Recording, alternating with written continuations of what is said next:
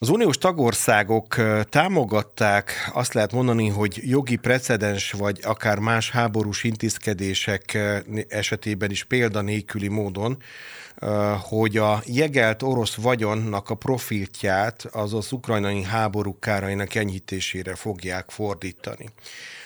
A szankciókról ugye hallottunk nyilván a háború kirobbanásának a pillanatában is, hisz ennek aztán elindult egy szankciós hullám, akár azt is lehet vonni az 1.0-ás verziótól, ma már ki tudja, hanyadik verziónál tartunk, de ennek egyik része az volt, hogy az orosz oldalról a nemzetközi pénzügyi palettán felelhető letéteket gyakorlatilag zárolták, jegelték, hogy ilyen pestiesen mondjam, és az ebből származó akár kamat bevételek, kamat hasznokat fogják most visszafordítani mondhatnám talán egyfajta speciális újraelosztás logikájával Ukrajna számára. Nyilván Oroszország számára ez nem fog kedvezően hatni ez a fajta intézkedés. Ígéretet is helyeztek kilátásba, hogyha ez meg fog történni, akkor valamilyen fajta ellenintézkedéseket fognak tenni. Igazából a kérdés a műsorvezető részéről és az adásnak talán a mai beszélgetésnek ez lehet a fő apropója, hogy valóban példanélkülie, vagy ha ez hasonló volt, akkor az a nemzetközi jogrendszerben mennyire bejáratott, mennyire elfogadott, hogy egy ilyen fajta intézkedés történik. Beszélgető partnerem pedig a kérdés megválaszolásához dr. Hoffman Tamás egyetemi docens nemzetközi jogász. Jó napot kívánok, üdvözöljük itt Jó a napot kívánok! Köszönöm hmm. a meghívást.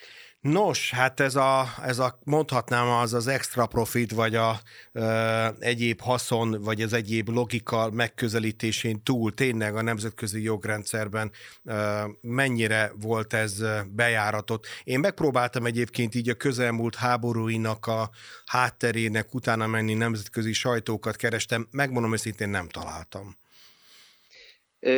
Pontosan ilyenre nem hiszem, hogy találunk példát. Ugye ehhez hasonló intézkedéseket esetleg eh, láthatunk, ugyanis az, hogy befagyasztanak adott esetben egy ilyen fegyveres konfliktus során eh, állami vagyont, az nem teljesen kivételes. Tehát például az Egyesült Államok például jelentős mennyiségű iráni vagyont fagyasztott be, például az iszlám forradalom után. Tehát eh, hasonló intézkedést láttunk már, Viszont azt, hogy ezt a vagyot elvonják gyakorlatilag bírósági eljárás nélkül, azért az valóban meglehetősen kivételes. Ugye alapvetően a nemzetközi jogban a tulajdonhoz való jog az nem korlátozhatatlan, tehát ezt nagyon fontos hangsúlyozni, de nyilvánvalóan valamilyen olyan jogszerű intézkedéshez kötött, amely a legtöbb esetben bírósági eljárás jelent. Lehetnek kivételek, tehát például egy fegyveres konfliktus idején az, hogy egy hadviselő állam az ellenséges állam vagyonát kisajátítja, az egy meglehetősen bevett gyakorlat. Igen. De ugye ebben az esetben itt arról van szó, hogy itt olyan országok hoznak ilyen lépést, amelyek nincsenek közvetlenül benne ebben a konfliktusban, tehát nem hadviselő fel. Igen. Igen. Tehát én, én azt mondanám, hogy ez egy viszonylag ö, ö, rendkívüli döntés. Ugye pont az orosz-ukrán konfliktus kapcsán más országok egyébként már meghoztak ilyen döntést. Ugye most elsősorban Kanadát említeném, ami már 2022-től egyébként lehetővé teszi az orosz vagyon elvonását, és adott esetben Ukrajna javára történő fordítását. De az Európai Unión belül eddig ilyen lépésre nem került sor, tehát ugye először nyilván, ahogy ön is említette, ezek a javak befagyasztásra kerültek, és aztán idén, ha jól emlékszem, talán februártól felállt egy olyan munkacsoport, ami azzal a kérdéssel foglalkozott, hogy vajon ezeket a javakat el lehet-e vonni, és adott esetben Ukrajna javára lehet-e fordítani. Ezzel kapcsolatban még egyébként az a döntés született, hogy a javak elvonására nem kerül sor. Tehát ezt mondhatjuk egy ilyen félmegoldás, uh-huh, uh-huh. ahol, ahol, ahol azért részben megtörténik hogy a javak elvonása, de azért jelentős mértékben még mindig nem. Igen, én több ö, olyan kérdésem van, ami kicsit talán azt lehet mondani, hogy ö, pragmatikusabb jellegű. Egyrészt ö, mennyire vagyunk biztosak abban, hogy amikor egy ilyen tőke kérdés felmerül, hogy ez, ugye ön is kihangsúlyozta, hogy az orosz állam a pénzét. Ez akár lehet orosz állami tulajdonban lévő gazdasági társaságok is, vagy kifejezetten itt egy állami kincstári összegnek a jegeléséről, zárolásáról beszélhetünk, vagy hova tovább arról is beszélhetünk, hogy akár áttételeken keresztül ezek magán cégek vagy magán személyeknek a pénzéről van szó. Itt, itt, itt mind a kettőről beszélhetünk. Uh-huh. Tehát mhm. itt, és mind a, mindegyik eltérő jogi problémát vet föl. Tehát az állami vagyon kisajátításával kapcsolatban ugye ott legalább egyértelműbb az, hogy itt egy korábbi nemzetközi jogsértésre, tehát Ukrajna inváziójára válaszképpen lehetne esetleg egy ellenintézkedést alkalmazni. Ott itt viszont felmerül egy nemzetközi jogi probléma, mégpedig az, hogy az államok azért eddig mindig tiszteletben tartották az állami immunitást, legalábbis bizonyos típusú állami vagyon esetében. A magánszemélyeknél, már pedig itt magánszemélyekről is beszélünk, hiszen, ha jól emlékszem, több mint 500 milliárd dollárnyi kifejezett orosz állami vagyon befagyasztásáról van szó, nem csak az Európai Unióban, hanem most ezt világszerte mondom adatként, és több mint 50 milliárd dollárnyi értékű olyan vagyonról, amely magánszemélyekhez köthető. Na most itt az a feltételezés, hogy itt olyan oligarcháknak a vagyonáról van szó, amelyek formálisan eh, minősülnek csak magán eh, tulajdonnak, de valójában ezek tulajdonképpen az orosz államnak a bújtatott vagyonát képezik. Na most itt azért ugye nyilvánvalóan elég jelentős bizonyítási problémák merülhetnek föl azzal kapcsolatban, hogy most ez valóban nem magántulajdon-e esetleg mégis.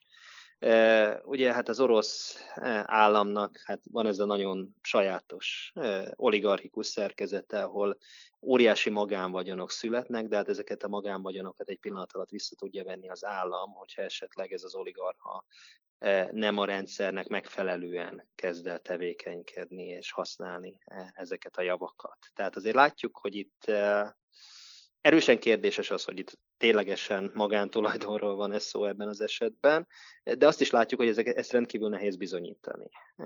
E, minden esetre, e, ha és amennyiben azt mondjuk, hogy a tulajdon elvonás az lehetséges egy ilyen szituációban, akkor én azt gondolom, hogy mindenképpen bizonyítani kell, hogy itt nem magán e, vagyonról van szó, hanem valamilyen módon az orosz államhoz köthető vagyonról. Igen, de egy ilyen éltszel, hadd kérdezzem azért azt is meg, és nyilván nem feltétlenül öntől várom a választ erre, hogy akkor ezek szerint békeidőben legyenek az akár oligarchikus pénzek is, akkor ez a pénz teszi a maga dolgát, tehát ha betétesként viselkedik, akkor kamatozik, ha kamatozik, akkor mondjuk ez egy nyugat-európai bank, vagy egy kanadai bankfiókban ezek szerint nyereséget tud termelni, akár kihelyezések révén újabb és újabb nyereségeket tud termelni, és akkor ez a pénz csak akkor lesz, hát mondjuk úgy, hogy szagos, hogyha háborúzik. Hát igen, igen, igen. Ez egyébként ugye az utóbbi éveknek, vagy talán egy-két évtizednek egyfajta fejleménye, hogy egyre jobban látjuk azt, hogy emberi jogi jogsértéseknél, nemzetközi jogsértéseknél megpróbálják szankcionálni a tőke kihelyezést. Ugye régebben az volt azért alapvetően a megközelítés, hogy vagy alkalmazunk az állammal szemben közvetlenül szankciót, vagy nem. Hát ugye igen, ezek le, ezeket, akkor ezeket igazából halljuk. mindegy, hogy honnan jön az a pénz. Ha meg nem alkalmazunk, akkor meg megint csak mindegy, hogy, hogy, hogy ott nem pontosan honnan jön a pénz, és akkor meg nem alkalmazzuk bele szemben. És most kezdődik az az utóbbi években, évtizedekben, hogy, hogy, hogy, hogy, hogy megpróbálunk egy kicsit célzottabban utána nyúlni. Tehát például nagyon érdekes az, hogy a Krím félszigetet ugyan már 2014-ben annektálta Oroszország, de vezető orosz cégek, például mondjuk a Sperbank, csak hogy említsek egy pénzintézetet, ami ugye Magyarországon is jelen volt a közelmúltig, nem nyitott fiókokat a Krímfélszigeten egészen 2022-ig, mert rögtön 2014-ben ugye olyan nyugati szankciókat vezettek be, amelyek azokat az orosz vállalatokat célozták, amelyek a Krímfélszigeten tevékenykednek. Hm. Tehát, és ennek volt is hatása egyébként, ahogy látjuk, hiszen hát tényleg 2022-ig ezek nem is tevékenykedtek, utána meg már mindegy volt, mert utána már sehol nem tudtak tevékenykedni, akkor már rögtön ugye a Krímfélszigeten is befektethettek. Tehát most egy nagyon új dolgot látunk, amit, amit soha korábban nem láttunk, és nyilván nem tudjuk, hogy ez pontosan hogyan fog fejlődni, és mik lesznek ennek a következményei mert ugye sokan azért ellenzik ezt, mert például most olvastam nem olyan régen egy Yale egyetemen dolgozó jogász professzornak az elemzését, aki például azt mondja, hogy azért nem kellene kisajátítani az orosz vagyont, mert ez ugye aláássa az Amerikában történő befektetések biztonságával kapcsolatos befektetői elvárásokat, és akkor ennek következtében lehet, hogy majd harmadik világbeli befektetők majd elfordulnak az Egyesült Államoktól, vagy akár a nyugati piacoktól, és akkor ez aláshatja a nyugati gazdaságot. Tehát lehetnek ilyen megfontolások is. Még nem tudjuk igazából, hogy ezeknek milyen következményei lesznek. Egyébként a maga a jogász szakma e, ezt a fajta változást, hogy ugye ön is mondja, hogy igazából még nem látni, nem tudni, hogy ez hova fog kumlálódni, ezt megpróbálja keretek közé helyezni, vagy leköveti. Tehát, hogy mit tud ilyenkor egy nemzetközi jog tenni, mert nyilván egy nemzeti jog az a saját ö, hazájának, nemzetének a védelmében, korrekciójában, szabályozásában igyekszik részt venni. Viszont egy nemzetközi jog az annyira sokrétű és annyira sokféleképpen kellene, hogy szabályozza ö, azt, amit nem tud szabályozni, hogy, hogy ilyenkor felmerül a kérdés, hogy, hogy mi a gyakorlat ilyenkor. Hogy hát meg... igen, ugye, ugye, ugye korábban nem nagyon volt gyakorlat. Ugye, ahogy említettem, ez nem volt szokás. Ugye az, amivel kapcsolatban volt gyakorlat, az a külföldi befektetések védelmével volt mhm, kapcsolatos. Uh-huh, uh-huh. És ugye a külföldi befektetések védelmével kapcsolatban pedig elterjedt az, hogy gyakorlatilag két oldalú szerződéseket kell kötni, amelyek szabályozzák azt, hogy milyen szituációkban lehet kisajátítani a külföldi befektetéseket, és ezeknél mindig megállapítottak eh, valamilyen bírói fórumot, ami eljárhat, vagy választott bírósági fórumot, de ilyenkor is beletettek olyan kitételeket, amik azért adtak némi lehetőséget eh, az állam számára, például közbiztonság esetén, közrend vagy közegészségügy vélelmében azért el lehetett vonni a külföldi e, e, tulajdont. Ugye itt lehet azt mondani, hogy itt tulajdonképpen a nemzetközi közrend védelméről van szó, hiszen mondjuk Oroszország egy annyira súlyos nemzetközi e, jogsértést követett el, aminek kapcsán ugye lehetne a nemzetközi jogrend megvédésének érdekében uh-huh. így cselekedni. Azért azt kell mondanom, hogy a jogászok, a nemzetközi jogászok azért eléggé megosztottak itt ebben a kérdésben, mert, mert itt tényleg egy, egy precedens nélküli szituációról Igen. van szó. Van, aki azt mondja, hogy például ez úgy igazolható, hogy a nemzetközi jog elismeri azt, hogy ha egy jogsértés történik, akkor azzal szemben jogszerű ellenintézkedés kell, vagy lehet tenni. Ugye azt gondolom, hogy ez nem egy rossz érv, csak egy dolgot nem magyaráz meg, hogy a jogszerű ellenintézkedés végén hogyan kerül majd Ukrajnához ez az orosz állami vagyon. Eh, hm. Mert itt, itt ugye az jogszerű ellenintézkedés az például lehet az, hogy felfüggesztjük az orosz állami vagyonnak a hozzáférhetőségét, befagyasztjuk, stb. De az, hogyha elvesszük a magántulajdont, azért az már egy teljesen másik lépcsőfok. Nem mondom, hogy ez nem lehetetlen, de azt gondolom, hogy erre tényleg egy, egy, egy koherens jogi választ kellene adni, és én egy teljesen koherens jogi választ eddig még nem láttam. Pont az általam említett Yale jogi professzora, ő például próbál egy ilyen köztes megoldást mondani, azt mondja, hogy addig kell befogyasztani ezt az orosz állami tulajdon, amíg Oroszország nem fizet kártérítést Ukrajnának az okozott károkért, és akkor visszaadjuk. De hát ugye gyakorlatilag azt az összeget adjuk vissza, amit Oroszország kifizet Ukrajnának. Tehát ez hát egy, igen. egy, egy, saját Ugye erre szokták azt mondani, a, a, a, erre szokták azt mondani a laikusok, hogy jogászkodás, ami egyébként jogi szempontból egy, egy, egy erősebb érv, de hát a gyakorlatban megint csak azt jelenti, hogy azt várjuk, hogy az orosz vagyont valamilyen módon Ukrajna számára átadjuk.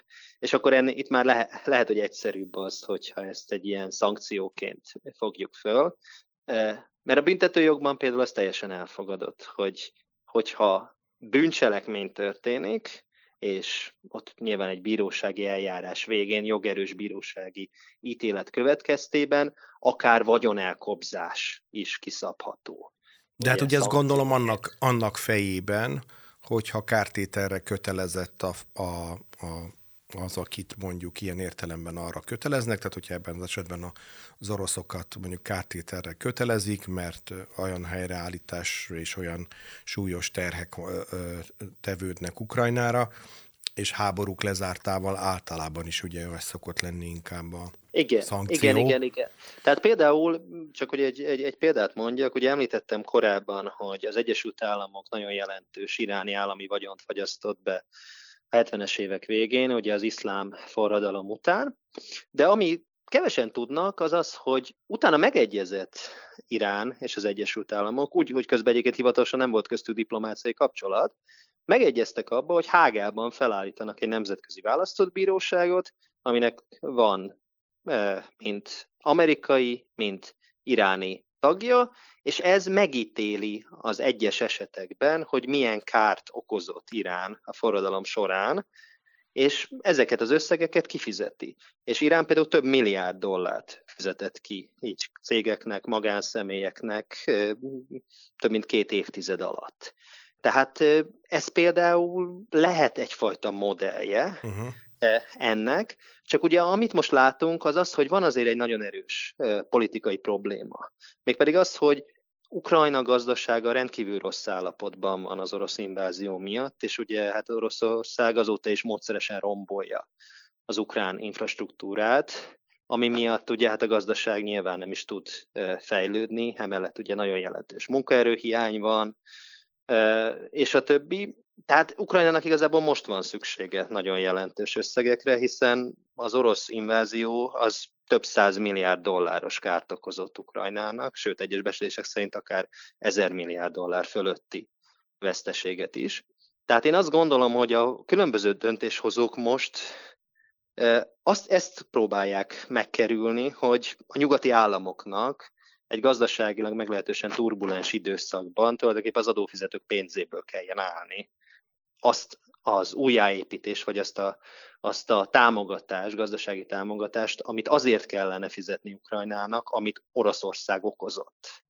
Tehát ebből a szempontból egy logikus politikai lépésnek látom azt, hogy azt mondják a nyugati döntéshozók, hogy végül is itt óriási károkat okozott Oroszország Ukrajnának, akkor ezeket a károkat miért a nyugati eh, állampolgároknak, a nyugati adófizetőknek kellene állnia, ha egyszer ezt Oroszország okozta, hát akkor állják e, ezt a kárt maguk az oroszok a saját pénzükből. Hát e, igen, bár ugye ennek a folyamatnak még nincs vége, sajnos. E, az lenne jó, ha lezárulna, talán könnyebb lenne a hát jog, abszolút. jogalkotóknak is ebben a kérdésben állásfoglalni, illetve hát maga a kárfelmérésnek a ténye is valószínű, hogy validabbá tud válni. Én nagyon szépen köszönöm dr. Hoffman Tamásnak, hogy rendelkezésünkre állt, és ezt a jogi kérdést én azt gondolom, hogy tényleg akkor lesz érdemes tovább forszírozni, hogyha valamilyen előrelépés történik ebben a konfliktusban, leginkább a béke iránt. Dr. Hoffman Tamás egyetemi docens nemzetközi jogász volt a vendégünk. Köszönöm szépen. Viszont hallásra.